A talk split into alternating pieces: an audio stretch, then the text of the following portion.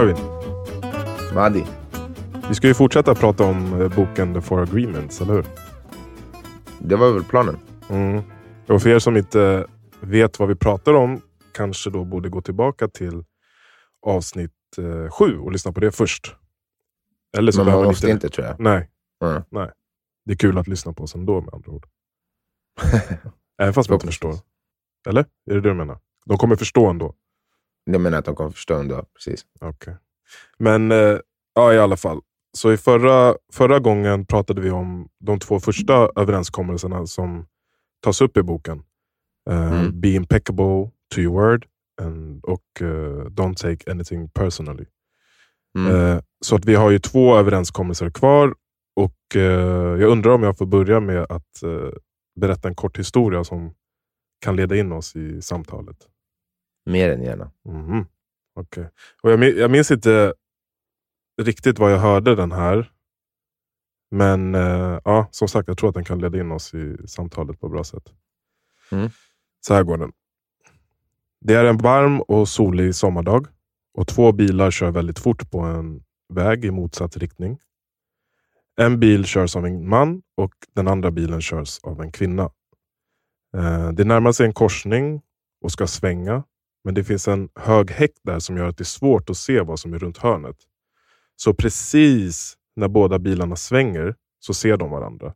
Och i sista sekunden hinner de bromsa och väja undan. Eh, De passerar varandra så pass nära att liksom lackarna på bilen, bilarna nästan precis liksom skrapar mot varandra. Eh, och Efter det så tvärbromsar kvinnan och lutar sig ut genom fönstret och skriker Gris! Mannen fortsätter att köra.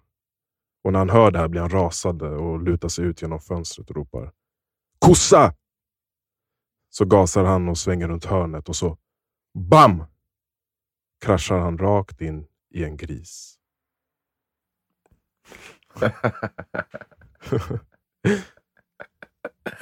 Okej. Mm. Så vad säger du? Vad är sensmoral i den här berättelsen då? Kan du inte se det? Vad har, vad, har, okay, vad har den här berättelsen med den tredje överenskommelsen att göra som vi ska börja med att prata med om? Då? Ehm, Vad är överenskommelsen? Då? Jag kan börja med att säga det.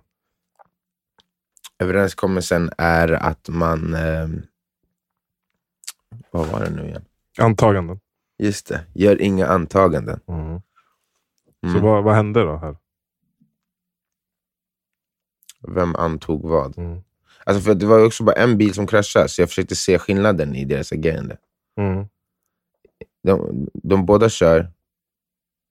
De båda håller på att krocka. Ja, ena säger gris, andra säger kossa. Mm. Och sen var det, sen var det den som sa så kossa som körde in i en gris. Mm. Mannen. Mm. Ehm, Oh my god vad trög du är. Han berättade. jag skojar. Nej, men hon skrek ju gris. Och mannen Mm. antog att det här var en förolämpning eftersom att de hade varit nära att krocka. Så han svänger runt hörnet och krockar i en gris. Så att det hon försökte göra var att varna honom att Gris! Det finns en gris runt hörnet. Och han bara jag tänkte verkligen lite på det. Kossa!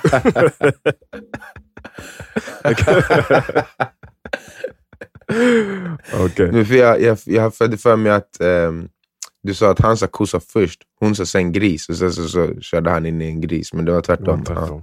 Jag kanske berättar Mm. den dåligt eller så är du jävligt Nej, jag tror att du sa det som det, som det, som det var. Jag hade bara den bilden i huvudet när jag satt och tänkte. Ja, men i alla fall. Jag tycker, ja, som sagt, vad heter det? Tredje överenskommelsen eh, som vi ska börja att prata om idag. Eh, Mm. Don't make any assumptions. Alltså gör inga antaganden. Eh, så tycker Mm. jag ändå att den här historien var, var ett ganska bra exempel för att illustrera att eh, eller illustrerar den här överenskommelsen och anledningen till att man gör antaganden. something extraordinary happened when we were maybe five, six, seven years old. And what happened is that knowledge starts speaking in our head with a voice that no one can hear but us. And that voice of knowledge is really made by assumptions. It's assuming almost everything.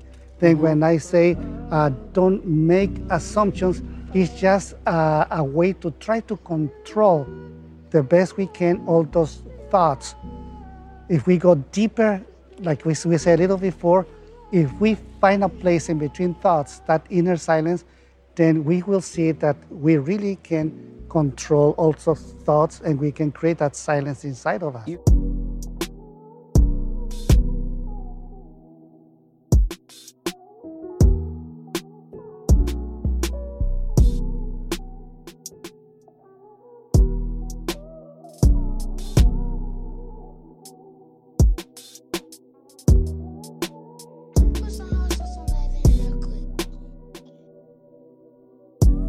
Alla som kör bil vet att det är betydligt lättare att, att bli liksom irriterad och ilsken bakom ratten.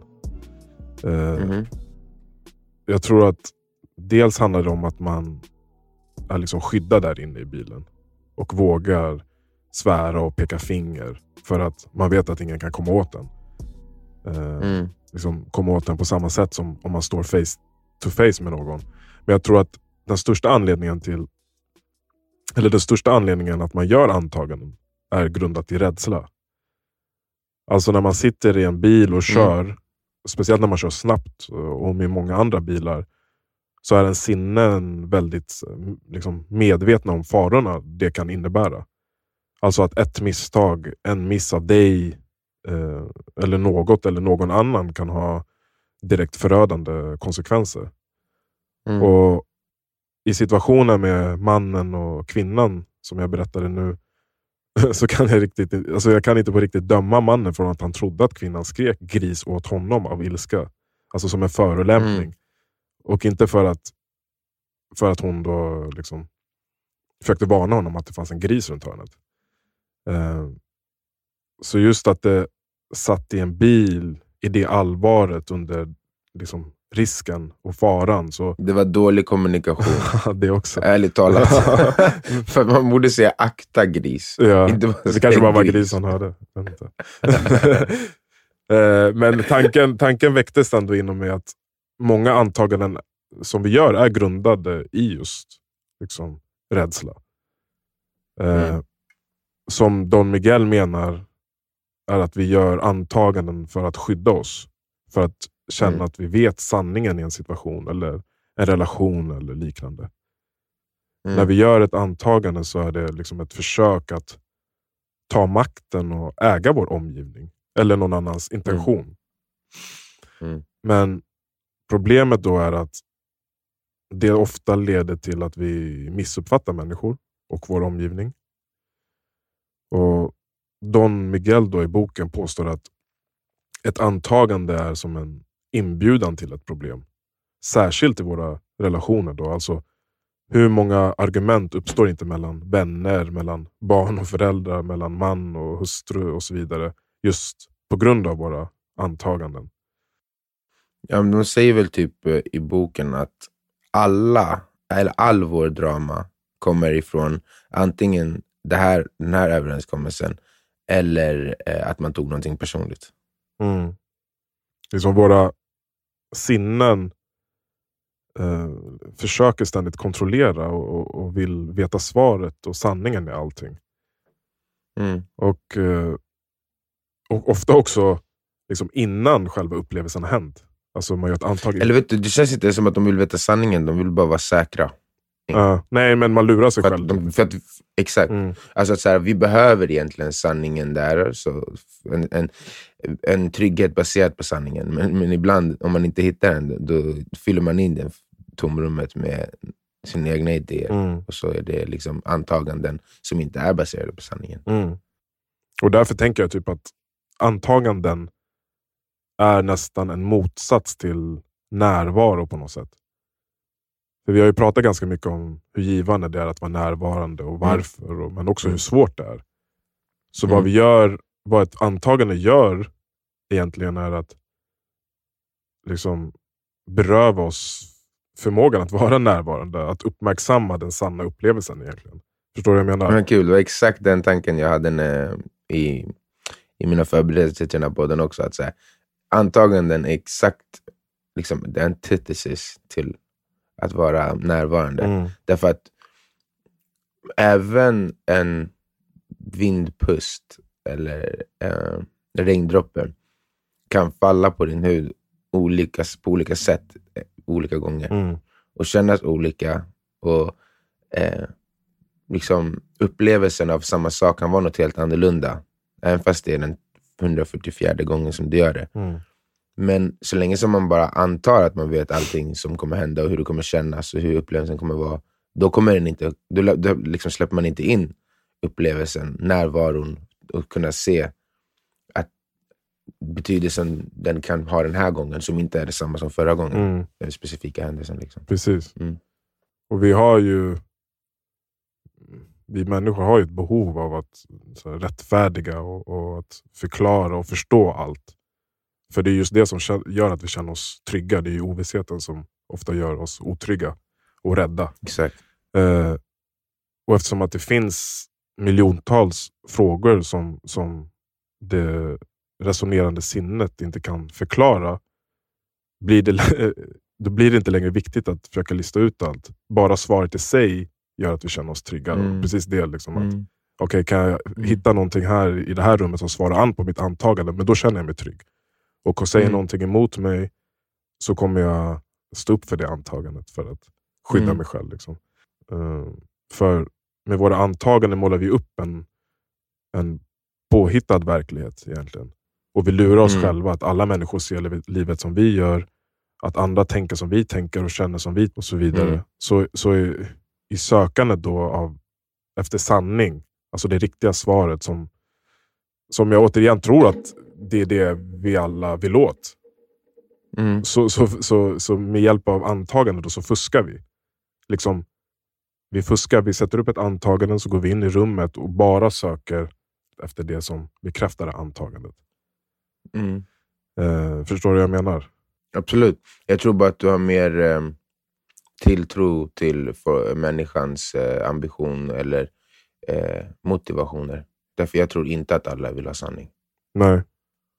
Min, min, min övergripande känsla när du säger så är, jag ser massa människor som, som, som vi var inne på, fastnat i steget av rädsla. Fyll den rädslan med idéer som in, eller antaganden som inte är baserade på verkligheten. Mm. och sen fäster sig vid den idén som inte är baserad på verkligheten och det blir hela deras livsidentitet för att de känner sig trygga där. Och sen så kommer man aldrig förbi det. Men san, Det kanske är att, att, att själen vill ha sanningen eller någonting, men att typ medvetandet är inte redo för den. Typ. antagandet är ju, är ju, är ju eh, liksom, gör vi efter all Mm. information vi har samlat på oss. Ja, vi tror ju inte att det är ett antagande riktigt, eller vi ser det inte så i alla fall. Nej. Så, så Mm. sanningen är ju nästan likvärdig om du hittar någonting som bekräftar ditt antaganden eller, antagande eller bara ser vad verkligheten faktiskt är. Känslan kommer ju vara detsamma inom dig, bara att du kommer hamna i fler konflikter om du alltid liksom... Mm. Om, du, om du gör antaganden som är, som är falska och sen så lever du efter dem och sen varje gång du möter människor som inte lever efter samma antaganden eftersom de inte är baserade på verkligheten Mm. så kommer det bli en konflikt för du kommer inte bli bemött eller det kommer bli, folk kommer inte se världen så som du gör. Liksom. Även i de här situationerna vår, antagli- antaganden onekligen blir motbevisade. Så är man ju, väldigt Mm. säll- alltså, så är man ju sällan villig att medge det. Liksom. Mm. Ja men verkligen.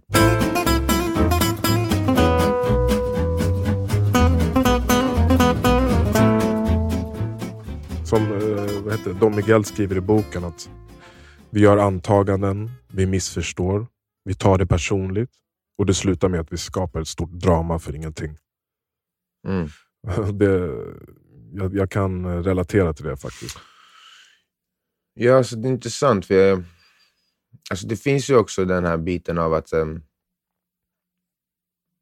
alltså, vi ser att det är en situation där ehm, personen som gör någonting Mm. inte menar illa. Mm. Betyder det att situationen inte kan vara någonting man kan bli arg över? Förstår du vad jag menar? Om man har den här principen. Alltså jag, vet, jag, först, jag, jag tycker inte det är jag tycker inte det är fel Okej, att reagera om, om en, pa, en person utan intention att skada dig, skadar dig. Men om, om vi säger så här då. Vi säger att det här är en, en, en relation du har. Det är en vän som har gjort någonting förut. Mm. som har gjort det Inte så här hela tiden eller, eller så, men det är ändå någon sak som händer kontinuerligt. Mm. Varenda gång det har hänt så har du sagt till att du inte uppskattar det. Och sen så händer det igen. Mm. Och sen så säger personen, men jag, visst, jag vet inte att du skulle ta emot det på det här sättet. Mm.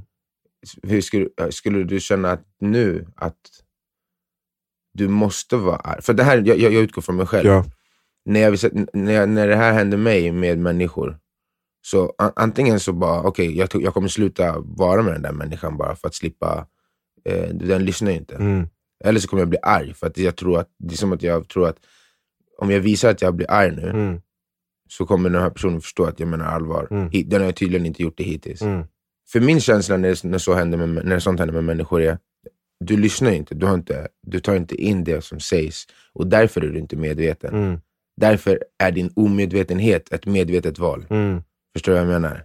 Du, tänk, det är för du har fått höra det tillräckligt många gånger för att försöka vara medveten om den här saken. Mm. Så vad säger du eh, är en rimlig reaktion då? Alltså om inte ditt behov eller dina ord går in hos den här personen efter alla Mm. gånger du har sagt det, ja, men då hade jag nog naturligt valt att, eh, att acceptera att den, den relationen kanske inte är det jag förväntat mig. Eller att jag får det jag vill ha från den och kan ge det jag vill ge. Mm.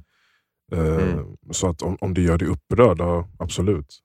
Vem menar du här i den här situationen som, som eh, gör antagandet? Eller som bör göra ett antagande? Antagandet blir väl, om jag inte gör någonting åt saken så kommer det här hända om och om igen. Ja. Och, man, och det, får, det är det som kan skapa ilska. Förstår du vad jag menar? Mm. Så att du, får, du, ska, Alltså, du ska inte vara så naiv och förvänta dig att det inte ska hända igen. Menar du det? mm, exakt. Mm. Vad gör man då? Ja, you, Det är liksom det som Ditch jag that känner. friend, det, boy. men det, men det, det, det blir väl liksom sådana hårda beslut man, man kommer till Mm. när, när det gäller sånt här. ja.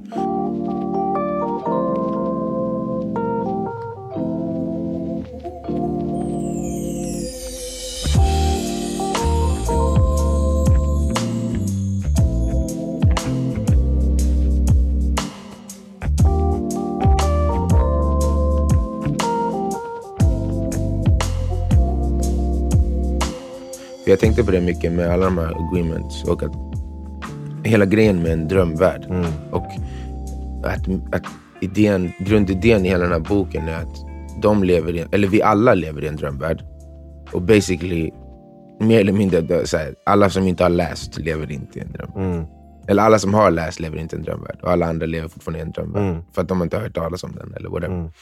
Ehm, och om man nu skulle se det så, och man vill göra en ärlig ansträngning att inte vara en del av en sån dröm. Mm. Min erfarenhet av att försöka gå emot saker som folk runt omkring mig och samhället i stort brukar göra, att det är ju, det är inte som att det bara är ditt beslut och sen så händer det, utan alla runt omkring dig kommer ju, det kommer skava i dem att du går emot alla de här sakerna. Liksom. Och att, att, man, eh, att man gör att man inte lever efter drömmen, det innebär på något sätt, tror jag, en ganska drastisk vändning bort från allt så här, det som klassas som normalt eller vanligt. Alltså så här, till exempel, mycket av de här drömidéerna, världens dröm, planetens dröm, får man ju som barn. Mm. Right? Så föreställ dig att man ska i sin barnuppfostran försöka få sitt barn att inte bli fast i drömmen. Då måste man ju uppfostra det barnet, inte bara lite annorlunda, utan ganska mycket, jättemycket annorlunda från hur alla andra uppfostrar sina barn. Eftersom att alla andra barn växer upp till att vara fast i drömmen. Vad menar Och- du exakt eh, när du säger Mm. fast i drömmen? När jag säger fast i drömmen så menar jag, det som vi, vi sa i drömmen förra gången, det är alla, alla antaganden vi har gjort om världen och om varandra och allting för att kunna fungera. Lagar, traditioner, språk, eh, kultur, kutym, eh, alltså allt. Mm. allt kön, så här, allt, allting som är våra identiteter och allt sånt, det, det har vi bara hittat på. Vi är egentligen bara tvåbenta djur som ska överleva på mat och kunna fortplanta oss och sen dö. Mm. Allt annat är bara är hittepå. Mm.